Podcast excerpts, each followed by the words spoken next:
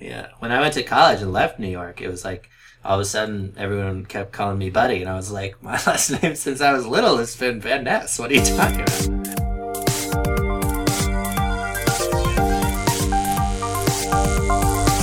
Well, I'm not a crook.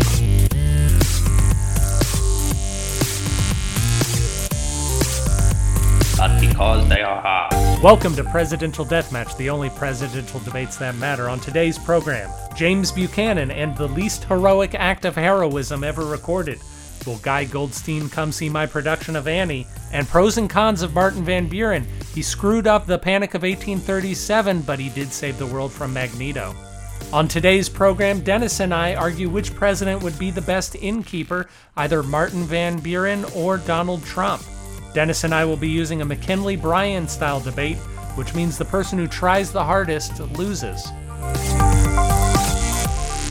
Yes, John, John Quincy Adams, who I do feel very psychologically. Uh, he's the one I feel like that I understand best of all the presidents. Because Oh, really? Because his issues just seem like they're so undeniable. I I feel that way about Johnson. I brought up Johnson a lot. I love Johnson. I will continue to bring up Johnson, but uh, I feel like Johnson's problems, motivations, like everything about him is larger than life, but very understandable. uh-huh. It's very human, but it's very big.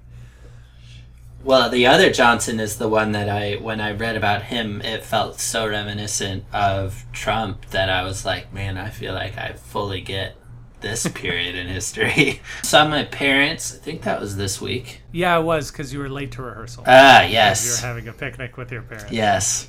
Which I apologize for. The right. rehearsal, not, I don't apologize for seeing my parents. Yeah, that's fine. I mean, you could kill them, but that's fine. That's eh, that's okay. You know, you've had a lot of use out of your parents. I'm sure Craig and Ty have also. You know. No, I was I was being a re I was being a, a big fake jerk. I was one a little annoyed and two being a big fake jerk in the rehearsal.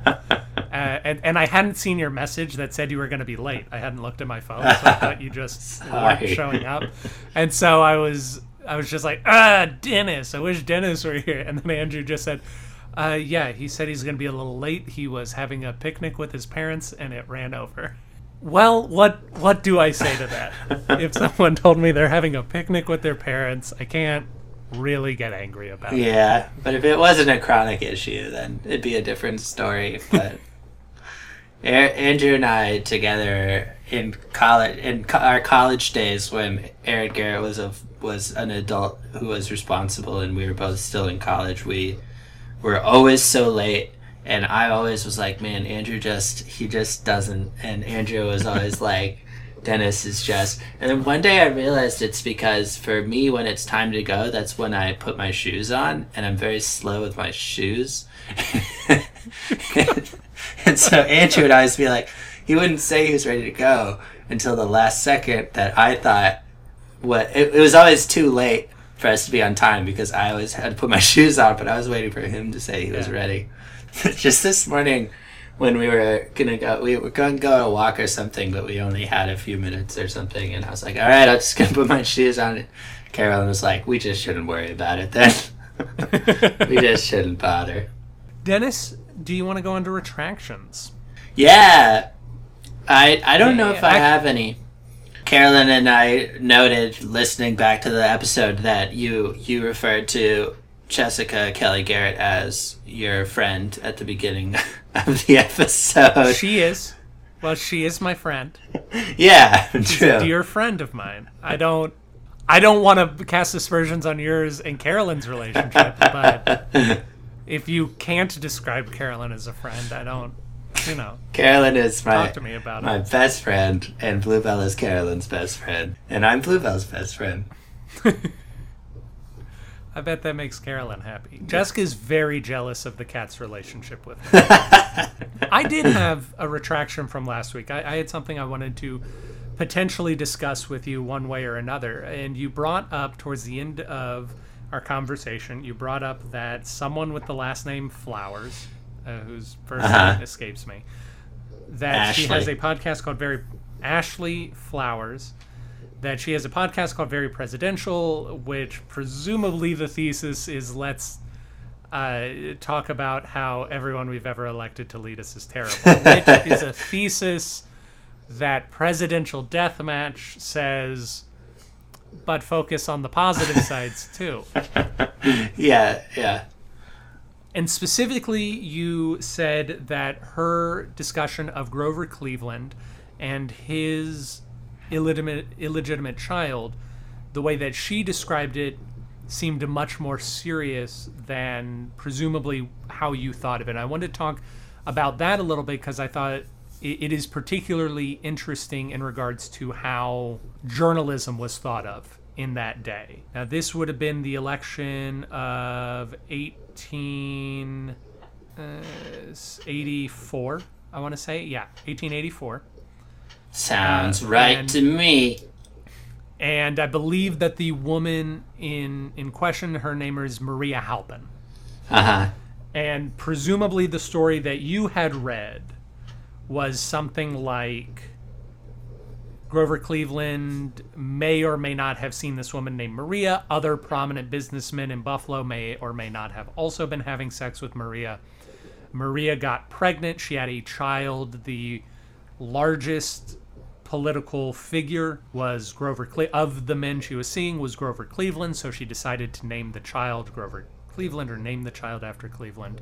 He decided to kind of take one for the team, accept responsibility for it. He helped pay for the child, and people made hay out of it. And it may or may not have been a problem that he didn't see the child more or that they didn't push for more uh, look into who was the legitimate father or anything like that. I'm guessing this is that is roughly the story I read when I was a child and I was looking up Grover Cleveland in encyclopedias from the 80s and I imagine that is more or less what you read. really i mean because i'm not you know a good researcher i think really my like coming into it before that like podcast and look and you know and stuff. And i didn't even remember how much i looked into it when i did that episode. Uh, i really was coming from kind of the history class version which is oh there was this scandal also with like a potential illegitimate child that he had. And it was like oh. Yeah. And although I haven't listened to the podcast, I imagine the story Miss Flowers is telling is that Maria Halpin is, uh, again, passed around by these various businessmen, most prominently Grover Cleveland and a friend of his who's a lawyer, whose name I don't know. She has a child. She's treated relatively poorly. In order to make the problem go away, Grover Cleveland decides to pay her and then put her away in an asylum and there she sits until someone comes to try and tell her story, uh, which tells of Grover Cleveland being a much angrier, more abusive, or more aggressive person. And presumably that's more or less the the story that she was telling, right? So the one thing is that I that I think from what she was saying, that lawyer that you're talking about, the other guy, Yeah. that the kid was actually named after that lawyer, Yes. and that, and she said that like Grover Cleveland insisted that the kid be named that, presumably so that when it came to light, he could be like he could seem like he was You could have claiming yeah, yeah, exactly. He could, and he could seem like he was claiming, "Oh, sure, this is my kid," and be like nice about it, but that it, but then make it seem like, well, Like the a child's- big wink. yeah, exactly, like I wink. exactly, yeah. yes. I mean, the kid's named after my friend, but sure, it's my child. Like, kind of to be able to be like, obviously, it's the lawyer's kid. What I think is particularly interesting about this when you look at journalism, because Maria Halpin's story is told by a journalist in the 1880s and 1884, is that this was a time when yellow journalism was really rampant and you did not have the say like the idea of journalistic objectivity would not come around until the 1900s so you had journalists who were paid to be very sensational and most towns would have two newspapers that was the Buffalo Republican and the Buffalo Democrat. In fact, one of the few stories I remember very clearly, one of the few short stories I remember very clearly from reading in high school was about uh, the two editors of the Republican paper and the Democrat paper.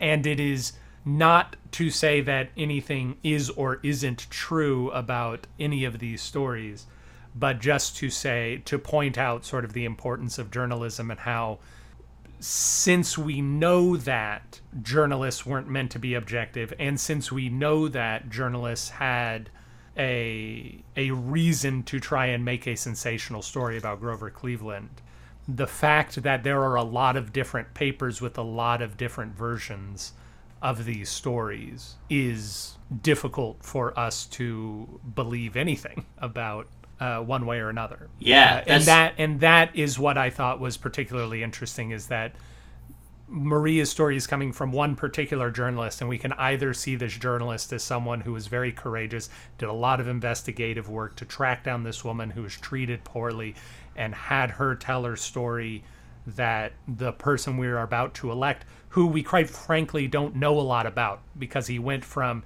Erie County Sheriff to Governor of New York to President in about four years that maybe there is something suspicious about him that we need to look into. It is possible that it is a very exciting journalistic story that way, or it's possible that this is a person who is just a mouthpiece for the Democrats who is going to either make something up or not do a lot of fact checking in order to make a sensational story, in order to sell papers, in order to get James G. Blaine elected. Yeah, that's really interesting. And I, yeah, I would I would want to make sure it's clear that like you really are saying that we just don't know. You're not like you're not because like I've Yeah, yeah. like, no, no. I, I, I am just saying Yeah. that it, it is, It's yeah. We just it is important for journalists to have objectivity, and when they don't, we have real big questions about what is true and what is Yeah, yeah. false. And um, it's really interesting to think about too, because I mean, th- I guess that's why people study this stuff that I don't study, but that like the context that we live in right now, um, with like the with like being like post Me Too and everything, and going back into presidential history with that lens is like a really great idea and like a really smart thing for her to be doing, and a really like good thing. But then it's also like it's something where like she was taking it from that lens completely so it's like that's very much what it is when you listen to it but it's like interesting to think about like that it's such a response to the time that we're in and it's something that we could go back later and look again and be like oh okay there's pieces of this that like she, she's coming from the place of like the women never get the fair shake in these kind of stories so like i should make sure that i'm taking her perspective and understanding that's right but then it's like oh, that gets over that gets complicated when it's like oh that was like in a that's someone who wrote a lot of articles that had pieces that we can kind of disprove because it was a time of yellow journalism and stuff like that so this is again all things i don't know either but it's a really interesting thing to think about. Yeah, and in fact, in regards to our conversation last week about whether James Buchanan was gay or not, it was in addition to the rumors that James Buchanan was gay or uh, a fop or whatever. I, I don't think they had that particular language back then. It was also very much rumored that he carried on a, an affair with James Polk's wife and that that was a regular thing in his life is that while he was secretary of state for james k polk he was stooping his wife and so there's just a lot of things we cannot know and that's very frustrating Yeah, I neglected. I guess this is a retraction kind of. I neglected to mention that Carolyn uh, believes to her. It's always been family lore. I believe in the Cooper side that she's some kind of relative, not descendant, I guess, but relative of some kind. and so i'm going to pull it to a close by saying presidential deathmatch regrets the errors Indeed. dennis we had a debate two weeks ago uh, over Andrew Heaton and which three weeks ago now, but which uh, president he should model his Whig candidacy on. And the results are mixed. Uh, I'm going to claim victory because it is technically tied, but one of the votes was from the man himself because he voted on the program. ah, yes. So our listeners, My vote would also go to you as well, but I didn't cast it.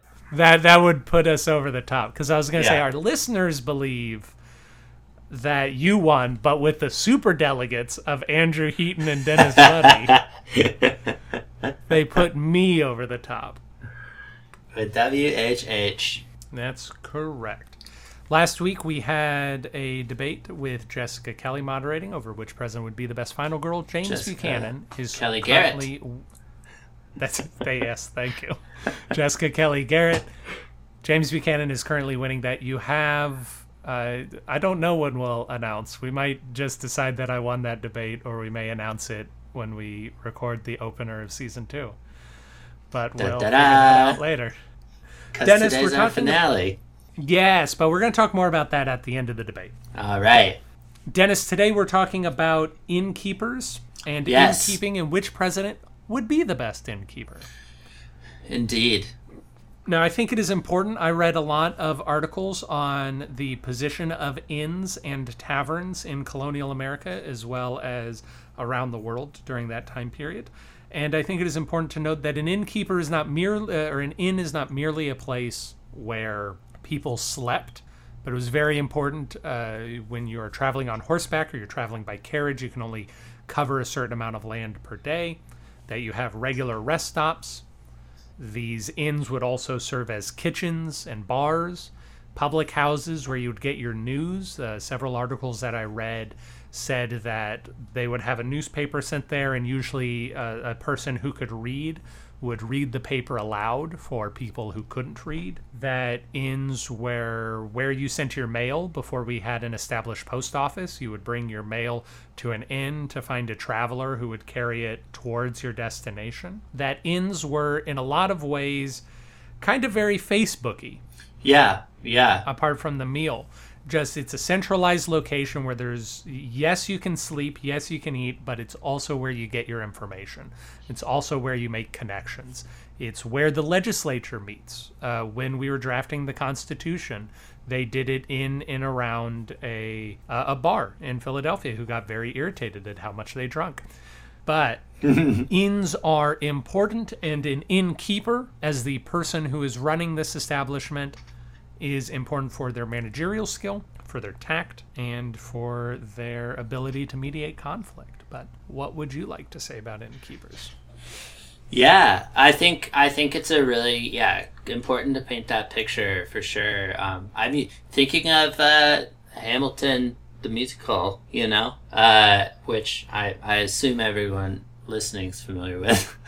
but yeah, the the uh, scenes in Hamilton in uh, in the first act especially take place in uh, in an inn, presumably. It's the it, and it's Hamilton. He's drinking at a at a table, and that's where he makes his best friends. And Aaron Burr, you know, comes in and is like these guys. Uh, but Hamilton's like, Be more vanilla, Hamilton. yeah. Take it from me, Aaron Burr. And Hamilton says no, and then the other guys are like, yeah, we bang on tables. And they're like, woo! They yeah. lift up a stool and they sing some. yeah. Uh, so yeah, I think I don't know. I Van Buren is from New York, so as I was reading about inns and everything, and uh, I I just kept envisioning that uh, because it, it was like it was my it was my uh, point of reference for an inn in New York at that time, and the way that people were kind of passing the news around. My other point of reference being the book I read about the drinks that formed the world's history uh, Ah. because coffee was described uh, just like what you said about Facebook. Coffee was described as the internet of the time. So I think of hospitality too a lot. Um, like the nature, like people aren't going. It's not going to work if there's not an ambiance that allows for it to work. So people have to be able to come in and feel welcome and feel like they're among people that uh, share their interests. I mean, that time too. You you need not only the passers-by but also the returning. You know, the returning customers. That's true. Ho- hospitality is growing in a world where you can gain a lot of your material goods online. Hospitality and service are certainly becoming more and more important, and certainly would have been important back then when, if everyone goes to your competitor, you're going to die Yeah. and uh, fall into a soupy mess. So, Dennis, I looked up. Surprisingly, the world of hotel technology is very big online, and they post a lot of articles about how you should use technology in your hotel. But also, here's other hotel things so that you read this article and not just the sales pitch. so, I have a few qualities that they say are integral for a hotel manager, which I would say is our analogous position to an innkeeper these days. And how would you feel about how these integrate into regular presidential things? Motivation. Sure. Motivate. You, you need to be motivated to provide service. Yeah, I think motivation, uh, like we had talked about in that other episode, it's one of those things that you could always put on a on a on a job. Uh, re- le- uh, Right. A, a lot. post- A lot of these are, which is why I put a little bit of extra. Yeah. A lot of these are very generic. But I think you're getting at the fact that it's motivation to make people feel like they're being taken care of, because that's the part of it that's key. It's not motivation to make money. It's motivation to make sure that people are feeling taken care of. You have to you have to be mo- motivated by hospitality. Yeah. In which case, I'd say uh, Lyndon Johnson, Ronald Reagan, Bill Clinton certainly made people feel that way. Uh, even that's how Right. uh, George W. Bush got elected. Uh, Are you familiar with the idea of compassionate conservatism? No. So, uh, being a compassionate conservative is the message that George W. Bush ran on in his uh, election in 2000. And he essentially said something like, We are for everything that the Democrats are for. Of course we are. But we need to do it in a sustainable, economically advantageous. Like, we need to make sure that we can do it, but we are for it. And that's sort of what he said. And presumably that got because uh, Clinton left with huge favorability ratings. So presumably, a lot of the people who liked Clinton thought that Bush was closer to Clinton than Gore was. Is what I'm guessing. Uh huh.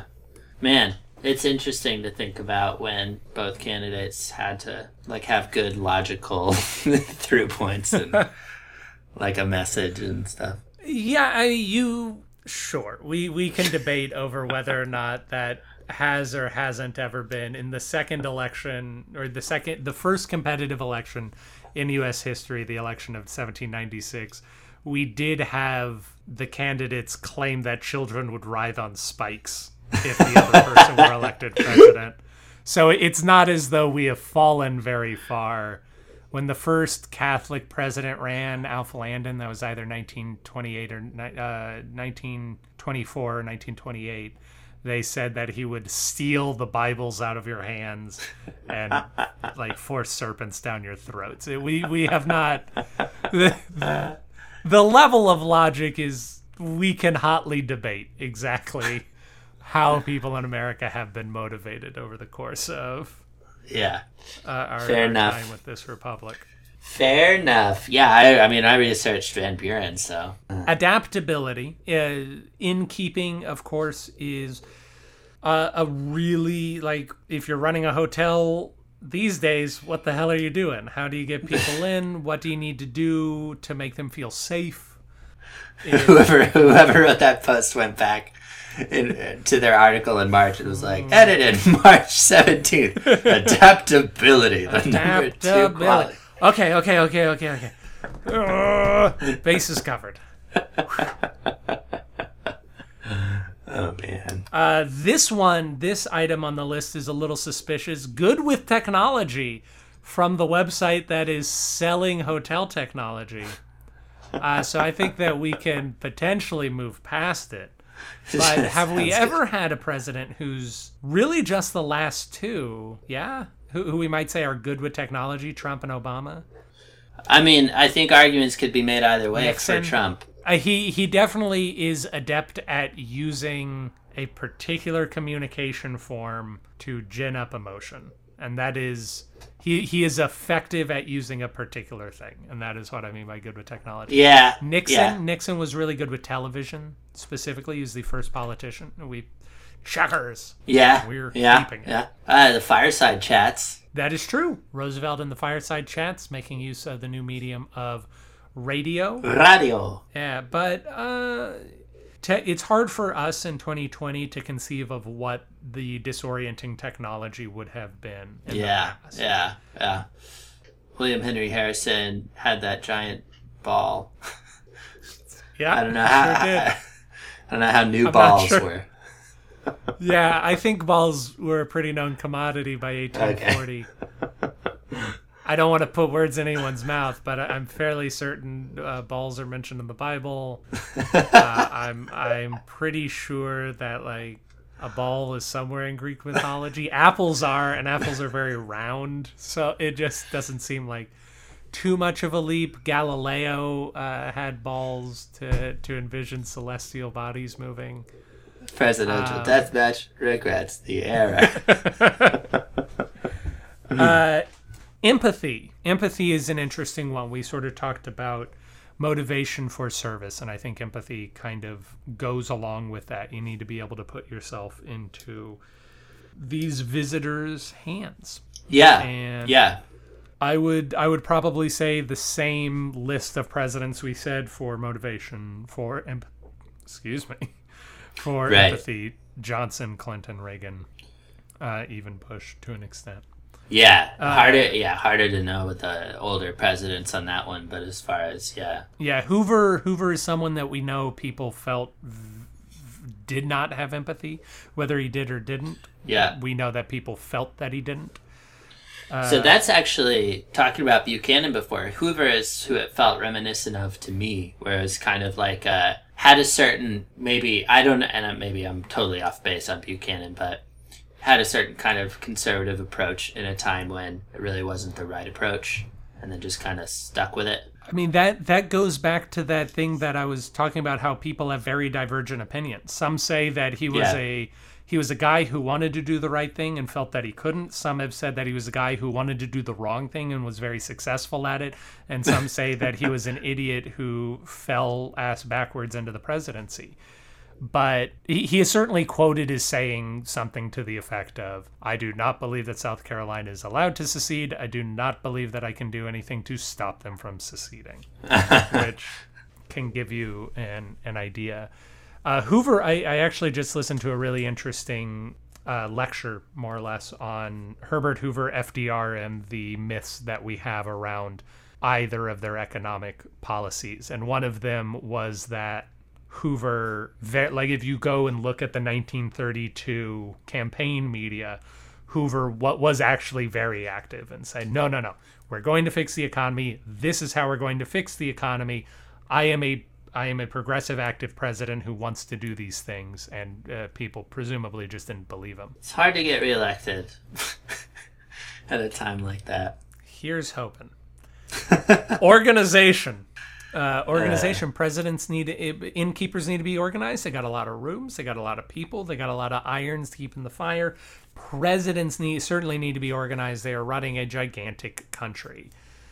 We Yeah. can potentially bring to mind Jimmy Carter. I think was good at organization. George H. W. Bush. I argued a few weeks ago was excellent at organization. Uh, Uh, Yeah. yeah. I know Reagan was good at delegation. I, it's, uh, or that's one of the things that's often said about him. I, I don't know if that's a similar kind of thing, but it feels like it is. And finally, communication. Communication is key in anything. It is especially key in a business. If you watch the classic British sitcom Fawlty Towers, which is about the running of an inn, surprised I didn't think at all about Fawlty Towers before this moment. But communication is the thing that often dooms Basil Fawlty Yes. in his attempts to look cultured. As with any any farcical, structured story, as as Fawlty Towers is more or less. It's good. I just like Fawlty Towers a lot, so I was gonna try to think of something else to say about it, but couldn't. Well, we could do a Fawlty Towers episode at some point, Dennis. Nothing is stopping Yes. us from diving into it. We we're in control. best Manuel. Uh, Two other interesting things about inns in colonial America. 75% of inns were owned by women. This is also true in England. I, I don't think that exact number, but many inns were owned by women, many inns and taverns. And they were often When? well, I'm going to tell you why in a second, and you may or may not think it is still an interesting thing. Oh, I see. I was saying when. When? Oh, colonial America. I see. I see. Ah. Sorry, I just missed. I missed you when you said that. Sorry. Gotcha. Uh, they often gave licenses for taverns and inns to widows so that they wouldn't have to support them finan- so that the community would not have to support them financially because if you had a woman who was not married and was of age. Generally, the town saw it as their duty to support her financially. But if she had a job, and innkeeping was one of the few jobs they deemed suitable for widows in those days, then the city would not need to. But that also meant that they were very wealthy. So a lot of wealth was concentrated. I believe there's a really good episode of Adam Ruins Everything, something about Adam Ruins the West or the Wild West, that talked about how you begin with brothels and then you get a concentration of wealth, and then that concentration of wealth in the hands of women allows them to exert a lot of political influence in certain aspects. It was all a very interesting argument. It's very interesting. It doesn't sound like he ruined it at all. It sounds- sounds Well, he like ruined it for that cowboy, uh, who was quite upset to hear these things. So, Dennis, I think you have a quote for me. I do. I, I what I did was I grabbed uh, a number of them, and we'll do a lightning round of the last Okay. words of presidents. So you might know some of them, but we'll Oh, see. the last words. And instead of yeah, and I was thinking you get one guess, and then you also have to give your reason why you think it was that president's last words. So, Alright. for for example, John Adams' last words were Thomas Jefferson survives. I think that was John Adams. Correct. My guess. My guess is it's John Adams. Be- and why is that so fitting for John Adams? Well, it's fitting for John Adams partially because he was wrong even in death. Yeah. But but of course it is also important because it is nice to think of after such a bitter relationship for them during a lot of their twilight years that they had managed to rekindle their friendship to the point where on his dying bed he is not thinking of his family or his sons or his dead wife that he hopes to see in heaven but instead that uh, this lanky virginian yet survives and that there is still a piece of the the revolution that they fought for surviving Um, yeah. And and yeah, for our listeners, so he died on July 4th, which is fun. And Jefferson deli- died only hours before. So he didn't Yes. know that Jefferson had died and was like, well, Thomas Jefferson survives. But- John Adams did not check his messages to his great embarrassment that day. Yes. Um, Okay. Okay. So, 1st first, first, last words. Perhaps it is best. Perhaps it is best. Now that sounds uh, austere and measured. It sounds like someone who is uh, not bombastic. So I, I am brought to mind William McKinley, Calvin Coolidge, not Grant, not Lincoln, um, an austere person. Uh, It- I'll say I'm going in historical order, so this is the oldest Okay. of them. This is the oldest of them. Perhaps it is best. Perhaps it is best. I'm going to say that's a Madison quote because Madison seems calm and collected and like he had done everything that he needed to do. I think Madison, because I read through all of it, Madison's was very calm and collected. It was something like, uh, it was something like, it was something like all of my affairs are in order or something. But uh, this is uh, John Tyler. Sorry, my taxes are filed appropriately. Fined in Such a blessing it is to have passed on April 16th. Such that I could get all of my taxes. So Um, it's up to perhaps it's best. John Tyler. That's interesting. It, it fits his personality, but also you have to imagine that uh, did he regret being part of the Confederacy? yeah. Is that what he says? Like, uh, I really didn't want to do this whole Congress thing with them. Probably a good thing I'm dying before I get to term. That's why I thought it was best. Yeah. That's why I put it in this this list. Yeah, he's like, oh, Autumn Clack's gonna be real irritated at me in a couple hundred years.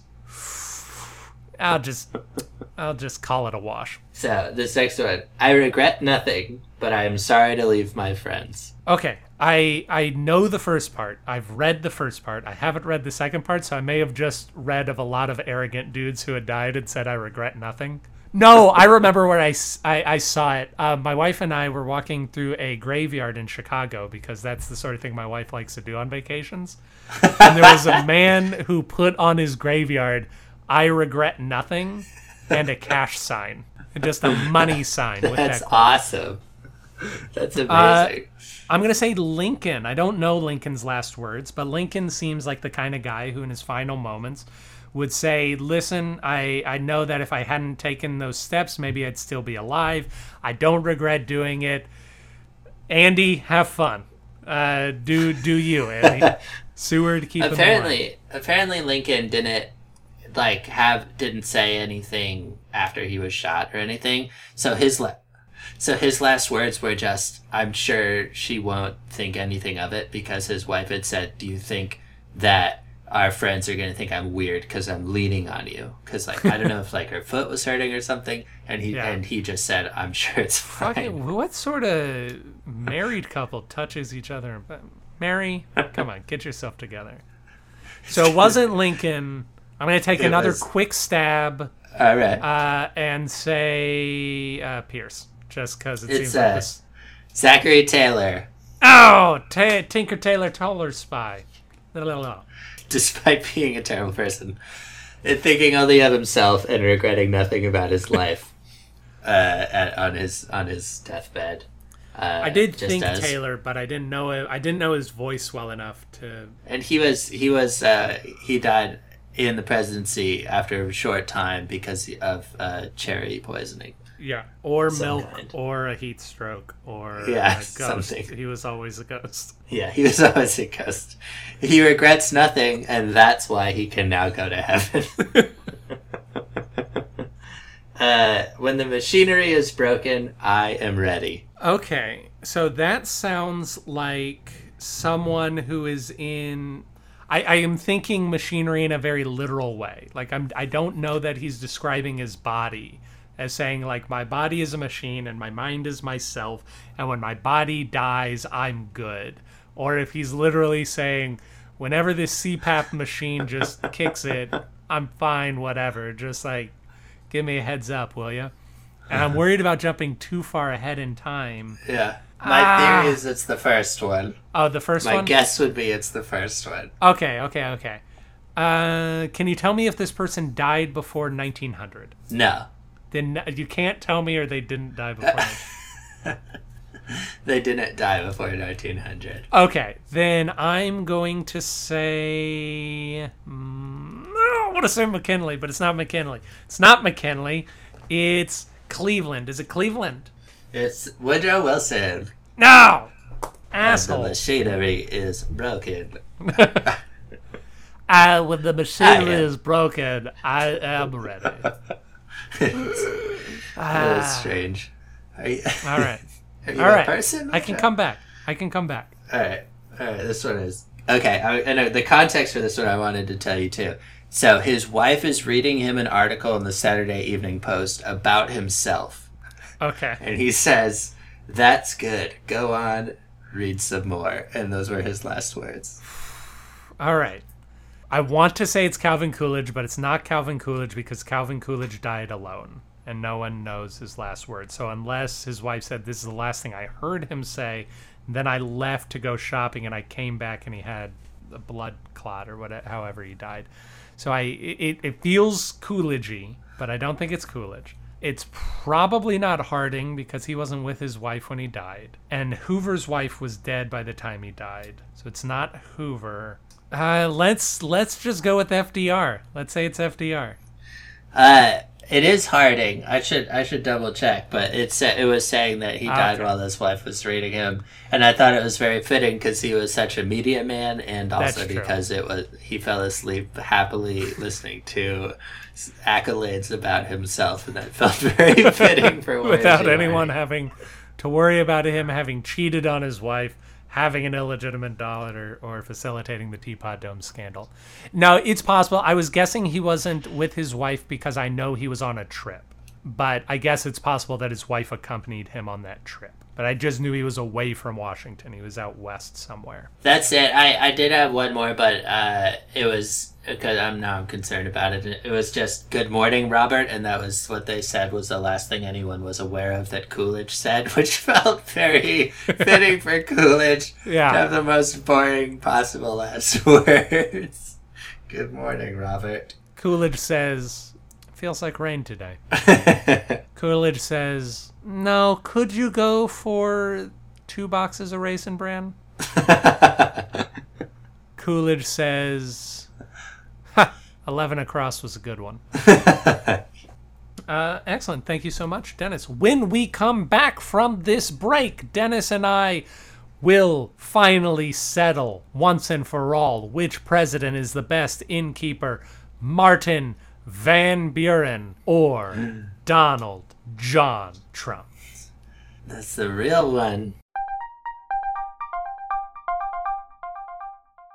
Welcome back. During the break, Dennis gave me some thumbs up, and now we are out of the break. Dennis and I are about to have a debate over which president would be the best innkeeper, either a Martin Van Buren or a Donald J. Trump. Excuse me for a moment. Dennis, Yes. uh, because I, of course, have the greatest argument, the biggest argument that anyone has ever heard, I'm going to let you go first. Why is Martin Van Buren Both of our uh, people today are both of our candidates are actual innkeepers of a sort. Van Buren was uh, from Kinderhook, New York, which was a town of Dutch families that were all you know close. That everyone was married to someone. It was a small town, and the Van Burens ran the inn, which was on the road from New York up to Albany. So they got a lot of traffic through and all of them, you know, ran it in one way or another. It was like 16 people that all helped run the inn. So Van Buren grew up cleaning glasses and watching the likes of Aaron Burr and Alexander Hamilton talk politics, listening and learning how to be hospitable, listening and uh, making people feel like they were part of this big Dutch family when they went up or down and he brought those same skills with him when he uh, eventually became a New York politician and then a national politician,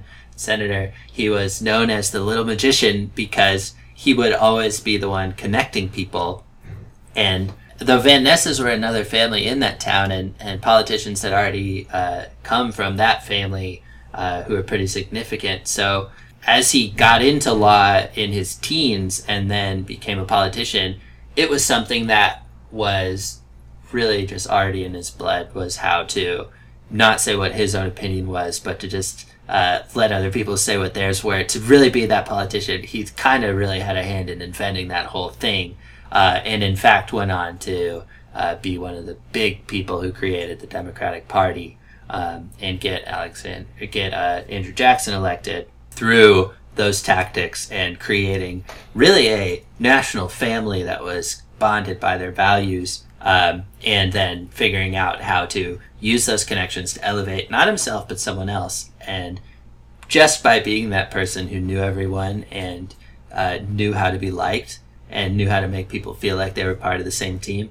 he eventually became president himself. And i think it's those same skills that made him a good innkeeper as a kid and that would make him a good innkeeper again Thank you. You really had me suspense on that last word. so, Van Buren, of course, we, we talk about Van Buren quite a lot on the podcast. But can you talk about whether or not. Can you talk about Van Buren's later life and how he may have lost sort of the the trust uh, in hospitality or how people began to think of him after Yeah. his presidency? Well, it's interesting is so his presidency was really where things started to go downhill pretty much right away because of the Panic of 1837. Uh, it was a time of a lot of technological innovation, and then Jackson abolished the banks, and Van Buren was also a Dem- he was a Democrat too. He's very you know Jacksonian kind of thing after Jackson.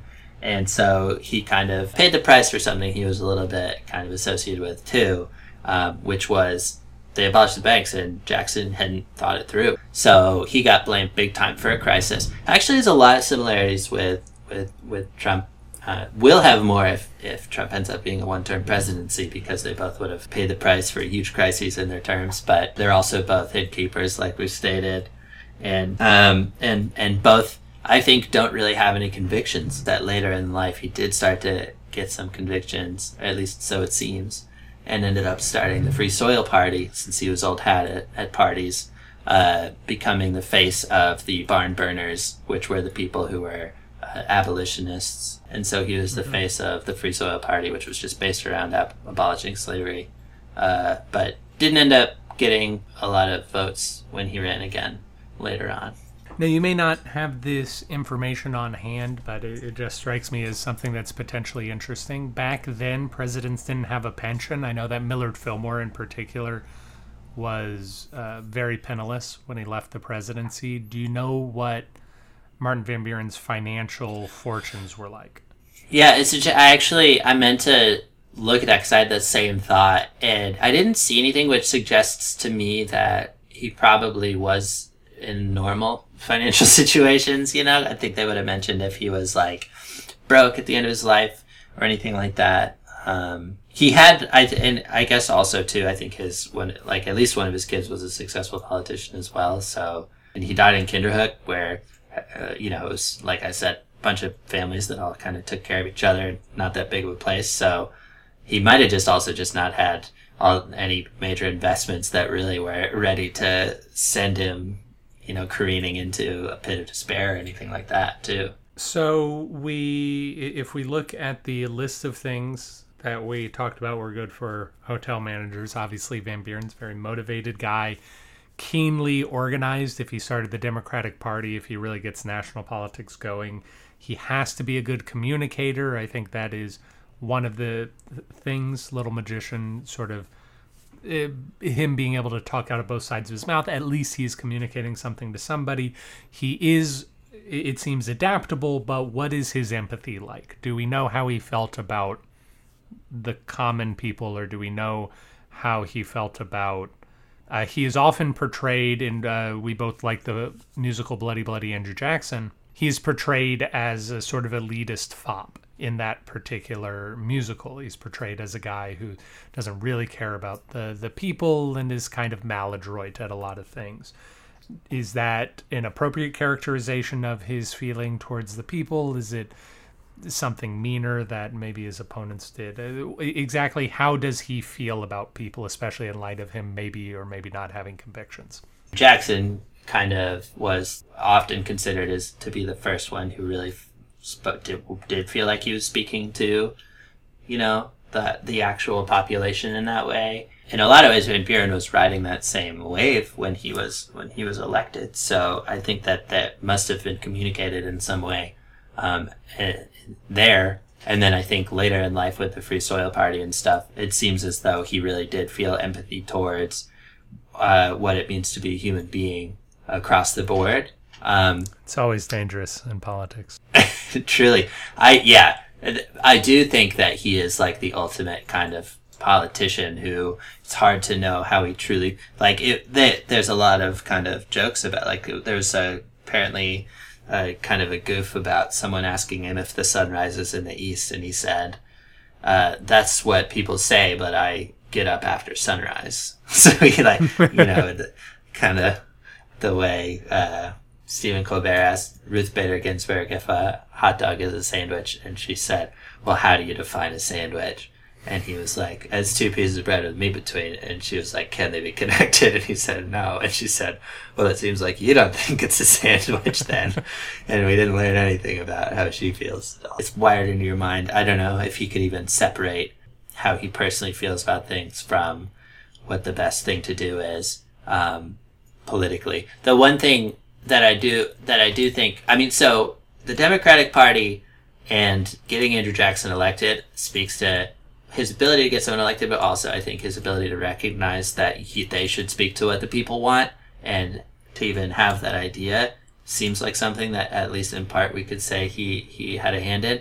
But I think the big thing too, learning about him, is just his hosting parties as a politician, and that little magician thing also came from him being someone that uh, he was always he was like a fun host and a host that people wanted to go to his events. Uh, but also like everyone would talk to him, and he was kind of he was known to be the politician that politicians' wives would actually like talk to. He was apparently like really fashionable too, because when he was like a teenager lawyer apprentice, they like picked on his clothes like the first day of the job. He was like dirty and stuff because they just had him cleaning, and so he like went and like got all of his savings and bought the same suit that the guy who said that he looked like a mess was wearing, and then like, and ever since then was like known for always being impeccably dressed. That's also part of the whole like Great Gatsby. I was a poor kid, and I never want anyone to say that about me. Kind of Yeah. mentality. Like I am Yeah. always going to look great, so nobody thinks I don't fit in. It also makes me believe because his his sideburns are very uh, Beast from X Men. Years you've been beating this drum that Martin Van Buren looks like Beast from X Men. Yeah, I learned nothing about him when we wread all those sketches because I just wrote the whole sketch where he they Now kept thinking he was Beast from X Men. Beast. He's Beast. Hank McCoy. Dennis, do you have any final thoughts on Martin Van Buren? okay it's the most popular word in the world and it uh, comes from what i had thought it came from was wrong but it comes from all correct being like a common phrase in boston new york in the early 1800s and it started to really take off. And when he was running for re-election van buren had the wherewithal to recognize this word that was starting to get really popular. And so he put out the information that it was actually stood for Old Kinderhook, not just Old Correct. And he was like, and that's my nickname. I'm Old Kinderhook. I'm from Kinderhook. And uh, yeah, and and uh, I, that's what I grew up learning was that okay that initially stood for Old Kinderhook, and uh, and that's him recognizing. I mean, you know, it's the most popular word in the world. He's recognizing a real trend there, and I think that's really what his gift was, was to to know what to what to put his weight behind. Donald John Trump is, without a doubt, the most wealthy businessman apart from George Washington who has ever attained the rank of president. Now, that is a fact as far as we can determine facts about both historical money and Donald Trump's money. But he is a successful businessman and a cornerstone. Uh, I already want to backtrack. And a cornerstone of that is Trump hotels. Trump hotels have been doing really well recently, especially in Washington, D.C., ever since he became president. All over the world, Trump hotels are successful while Trump is president. And can this fact be put on anything other than the idea that they are impeccably managed and well run? Well, I don't want to hear an argument against it if you do want to give an argument against it. Donald Trump is a shrewd businessman who does not pay people what he says he will pay them, thus saving himself money in the long run, which I think is a is a very good thing for for hotels. Uh, he was able to build these hotels well under market prices uh, through a simple trick of not paying the builders, and this allows him to put up more hotels to serve more hospitality to more people. Looking at our list, is Donald Trump motivated? Why? Of course he's motivated. He's motivated to treat people like commodities. People literally are your currency. Is he adaptable? Ha! Ha! ha! He, he's put his name on everything from steaks to a horse at one point. True story. Is he empathetic? We'll move along. Is he organized? Hard to say, quite mm-hmm. frankly. It doesn't appear as though he's super organized, but how much organization do you need when you're a true genius? That's what I would ask. And Donald Trump, how good is he at communication? Well, just look at what I'm going to guess is the most followed Twitter account in the world. I have not checked that fact. I may be wrong. He certainly has a lot of followers, though. And a lot of people talk about the things that he talks about, and he talks about a lot of the things that people talk about. That seems like communication to me. Donald John Trump, a vote for hotels. I, I thought I was going to be able to do something better there, but I wasn't. That was good. I like the. Uh, I thought. It, I. I mean, I, I'm finding it hard to think of uh, good good holes to poke, but I'm. Uh, what? What? It's the old Trump uh, thing. If you don't try and make an argument based on substance, it's really hard to ask questions of substance against it. Yeah, yeah. Uh, oh, I was gonna say that he, I'm sure he has said that he has the most followers of anyone in the world. So you're just you're just referencing the man himself there. Indeed, I am. Indeed, I am. Uh, well, while you think of questions, I can say a few other things that I've learned about Donald Trump and his businesses. Of course, Donald Trump got uh, his he made his first money in real estate, which is apartment buildings. It's not the exact same thing as an innkeeper. It's not. Uh, you don't need the same sense of hospitality, but he got into hotels, I believe, when he wanted to buy a casino in Atlantic City uh, to make the Trump Hotel and Casino. I think that's the first hotel he made. I know that Trump hotels have never gone bankrupt while Trump is on the board because he shrewdly left the board right before they went bankrupt and then cleverly got back on the board after they reconstituted themselves. And that So, I guess that that that makes me think of along with him. I I believe he had when he became president. He employed all of the people in his immediate family uh, Yes. to roles that used to be important. Um, do you think that that say. he's someone who like kind of treats everyone like family? Uh, like and like kind of creates kind of a familial environment because that really speaks to empathy to me and it was something that i thought was interesting with Uh, I want to potentially push back against the idea that he gave important jobs to his family or he gave jobs that used to be important to his family. He did give important things to his family, but uh, the members of his family, specifically Jared Kushner and Ivanka, have the title of senior advisor to the president, which does come with a salary, but it's not. It's not like a, A secretary of state. Yeah, it, it's a job with very fuzzy requirements, and within that, he um, he gave them important dossiers. He gave them important security clearances so that they would have information on which to advise him, and that is the that is the more potentially troublesome part of it.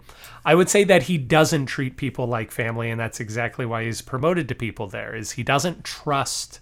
He fundamentally doesn't trust people because he is fundamentally untrustworthy. But uh, he uh, he doesn't trust people. He trusts his family. Therefore, he's putting his family in positions of power. Now, it is clear that if you become friends with him, one way or another, he will give you things you don't deserve. But that leeway only goes so far. So it's not to say that he doesn't stick his neck out for people, but he he doesn't like poor people. He doesn't like non-white people, uh, according to quotes. These are quotes that I've read. Um, uh, and he he generally speaking, no, he does not treat people like family unless you treat your family like shit. yeah you skipped over yeah so i guess empathy is what we've been talking about We which were was an easy about one to pick because you because you yeah because you it was an easy one to pick for my first hold about because you started by skipping it Yeah, that is true. uh it's tough because there's so much that i just either know or don't you know Yeah, yeah, yeah. with it, it but i'm trying to think of because i don't want you just have to go over the whole person woman man camera tv thing what what i yeah Let me tell you about the horse. Let me tell you about the horse. So Yeah. he wanted a racehorse, and so he convinced a guy to sell him. A, he convinced a trainer to let him buy a racehorse under the condition that the horse's name be changed to DJ Trump. And then he refused to pay for uh, the price that he said he would, and he said he was going to come down. Now that's a common Trump ta- tactic. He will agree to a price and then refuse to pay it. Uh, the owner agreed. Then a virus was spreading through the horses, and the trainer said, I don't want to race this horse. It might have a virus. Uh, now, Trump, this is unusual because Trump usually has excellent track records on viruses and whether or not they exist. and uh, what he should do about them. But in this particular case, he made a mistake. In this and only this case with a virus, he made a mistake. And he demanded that the horse be raced anyway. The horse did have the virus. The horse had to, uh, like, its hooves got screwed up and it couldn't race anymore. The horse had to be put out to pasture. Uh, and what he said after ruining this trainer's livelihood and screwing him around was that he was glad that he hadn't cut a check yet. And that's the story of DJ Trump the horse. In his hotels, is everyone welcome? I guess be a question. Sure. Anyone who can pay.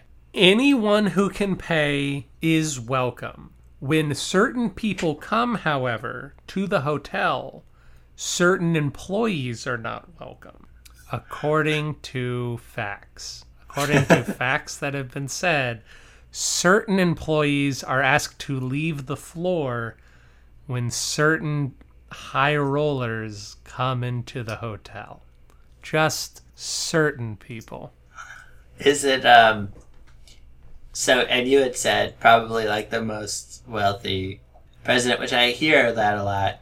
Outside So what- of George and- and Washington, that's- sorry, sorry, I, I do want to like outside of George Washington. When I when you look up, George Washington was just absurdly wealthy because he made rum and whiskey and and like flour. Like his his uh, Mount Vernon was just a giant production. So even even if Trump is worth as much as Trump said he, says he is, he has less money than George Washington did when controlling for inflation. Interesting. Yeah. And then that's of course, yeah, knowing too that we don't really have the records that we need Not uh, yet. and stuff like that is what not yet. Yes. Um, and and the other piece of it, I guess that I think is interesting is thinking about so and as far as the businesses that he's run, I know some of them haven't been super successful. A number of casinos and such, and then also like how is the budget doing in the government? You know, how's that been? How's that been going on? I really, I, I actually don't know on that. Oh, one so uh, much. but- so oh, Dennis, you're you're making me be political in the show when we try not to be political. So number one, Trump. You can say that Trump is involved in a lot of businesses, and that's both true and not true. In the early 2000s, he started, and even in the 90s, what he did was he licensed his name. So he wasn't exactly involved in the day-to-day operations of Trump University, let's say, but he was the owner and he did license his name and he just kind of farmed out the work, which is a, a regular thing that happens. I, I don't want to make it sound like that is a bad practice, except for quality control. So Trump Steaks, Yeah. Trump Wine, Trump um, Trump University, these things he he farms out for the most part. Uh, it seems as though a lot of his businesses are built on bad assets, and that he regularly does that. A lot of the business decisions aren't good. Now, there is a statement that I don't want to put a lot of credence into because I have not done the research myself, but I know it was said that uh, Trump started his business with a million dollar loan, and that if he had, when he got that loan, put that loan into investments, that they would be worth more money today than he claims he is worth, uh, which would indicate generally being bad at business, if that makes sense. yeah, Like he, he has grown his money, he has not lost it, but he he's not doing as good as the market average. Now, if we Right. talk about the government itself, tr- Trump has eclipsed. Um, so, so we've got a thing called the national debt, and we need to be worried about the national debt. But we also have a thing called a budget deficit, and I'm sure you understand the difference. Oh, sorry, go ahead. It looked like No, no. So, so we've got the national debt, and the national debt is bad. The national debt is what we owe to other countries. But then we Yeah. have the budget deficit, and the budget deficit is how much more money are we spending than we are taking in in taxes. And the budget deficit, uh, Bill Clinton got rid of the budget deficit in like 1998, something like that. He managed to actually get a budget surplus, which is sort of amazing. And then when George Bush started the war in Iraq, that woo went out the window. And we have just been running up the deficit ever since. Now, Barack Obama added approximately uh, $486 billion to the national deficit, which is to say, we are spending uh, close to two trillion dollars a year more than we make. Um, and that was uh, Barack Obama over eight years, and that is not good. Fundamentally, that is not a good thing. I'm, I'm checking to make sure that my figures here are correct.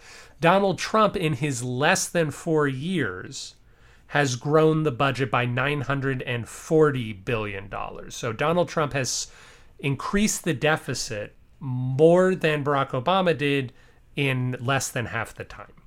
Uh, and from a budget perspective, this is untenable. We are taking in, we are spending money that we don't have, and we are spending it primarily because the Republicans who say that they're for fiscal responsibility say that they want fiscal responsibility, cut taxes, and they don't cut spending.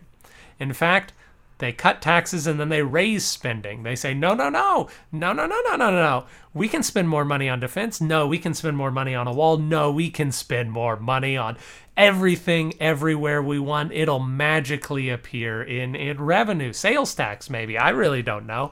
But eventually, all this money uh, will come back. And that is ridiculous. Uh, quite It's, uh, frankly. Uh, so the budgets of his business seem to be doing okay lately. His last bankruptcy filing was in 1996, I want to say, uh, but his money would probably have been better spent elsewhere instead of uh, where he invested it.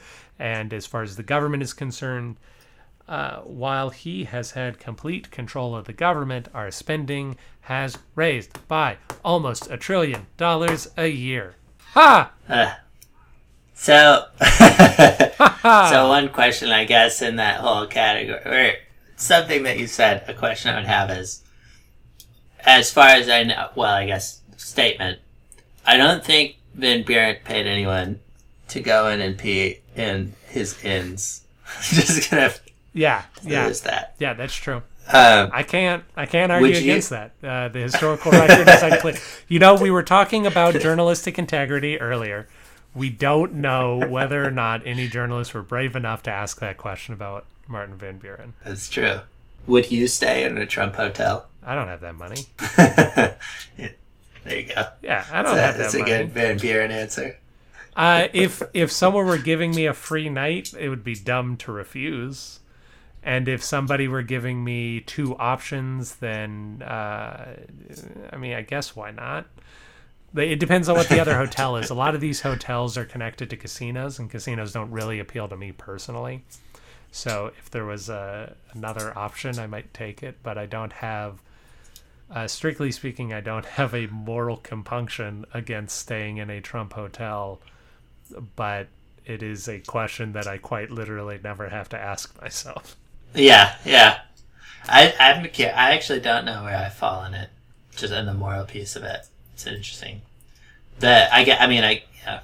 Yeah, we, we Yeah. didn't talk the emoluments clause because uh, people don't like constitutional law except when they're not in power.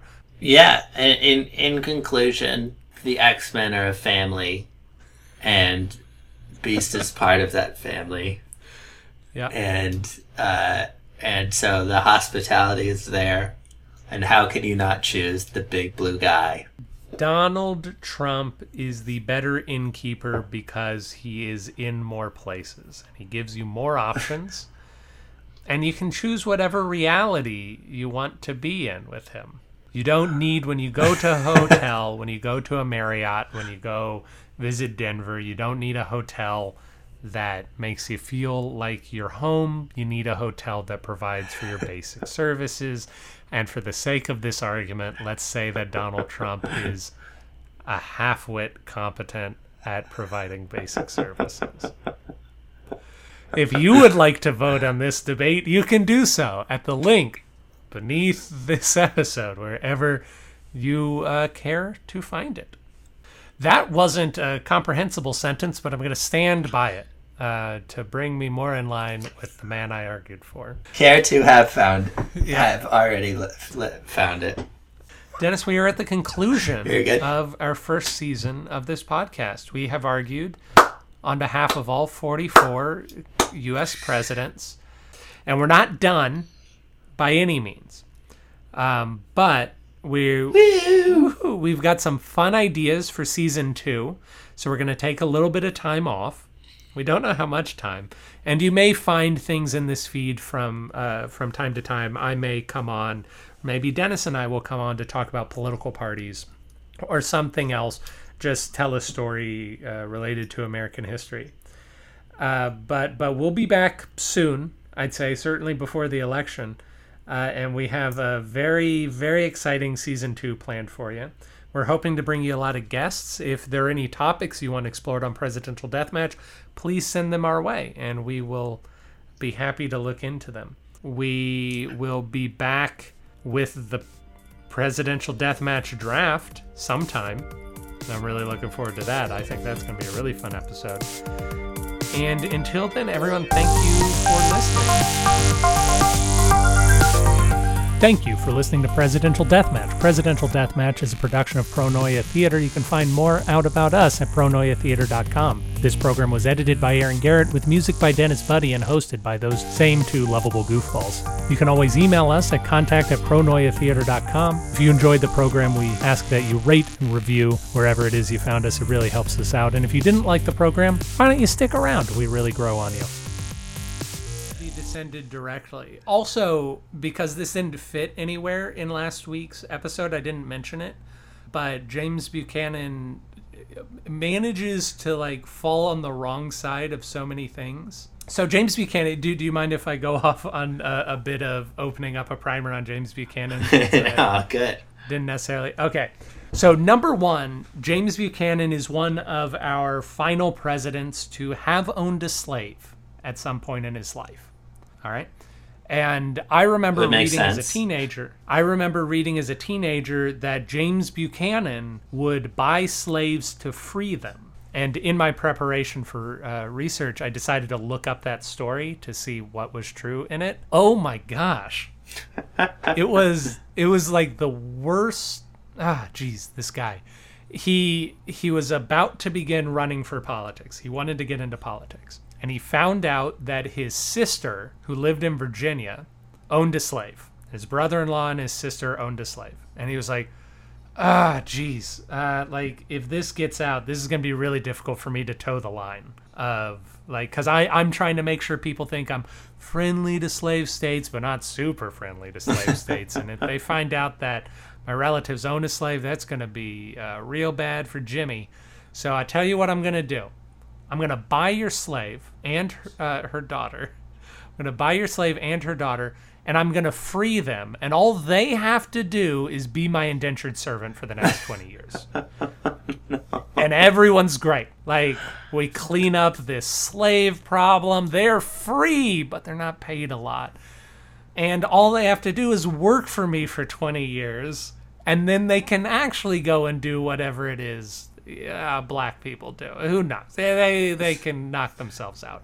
So someone is doing a podcast like this and had to make the argument that Buchanan was the greatest president of all time, and so decided to take that and turn it into that he had a hobby of freeing slaves. Yeah, that he had a hobby of freeing slaves. James Buchanan also is one of the I have not seen, uh, with the exception of presidents since say Kennedy, where we're in very modern feelings about things. I have never seen such a divergent opinion on James Buchanan. Because everybody agrees he was terrible, but what people disagree on was how smart he was. So there's an essay from some people who say James Buchanan was terrible and he was an asshole and he liked slaves, but he was dumb and he just got where he got because of luck. And he just lucked into the presidency and he was terrible for it. And these uh, articles were around 2016 when uh, Trump was elected uh, and then and then some other articles were like, yeah, yeah, he was a really terrible guy, but he was incredibly smart and he knew what he was doing and he did it well. We just don't like any of the things that he did. These articles were also written around 2016 when Trump was. elected. So I don't know what was going on late 2016, early 2017, around the time that Trump was elected, that had people so concerned about you know whether a president was incompetent or not incompetent and what damage they could do if they were incompetent or what damage they could do if they were evil but competent i don't know what was in the culture right then. But something was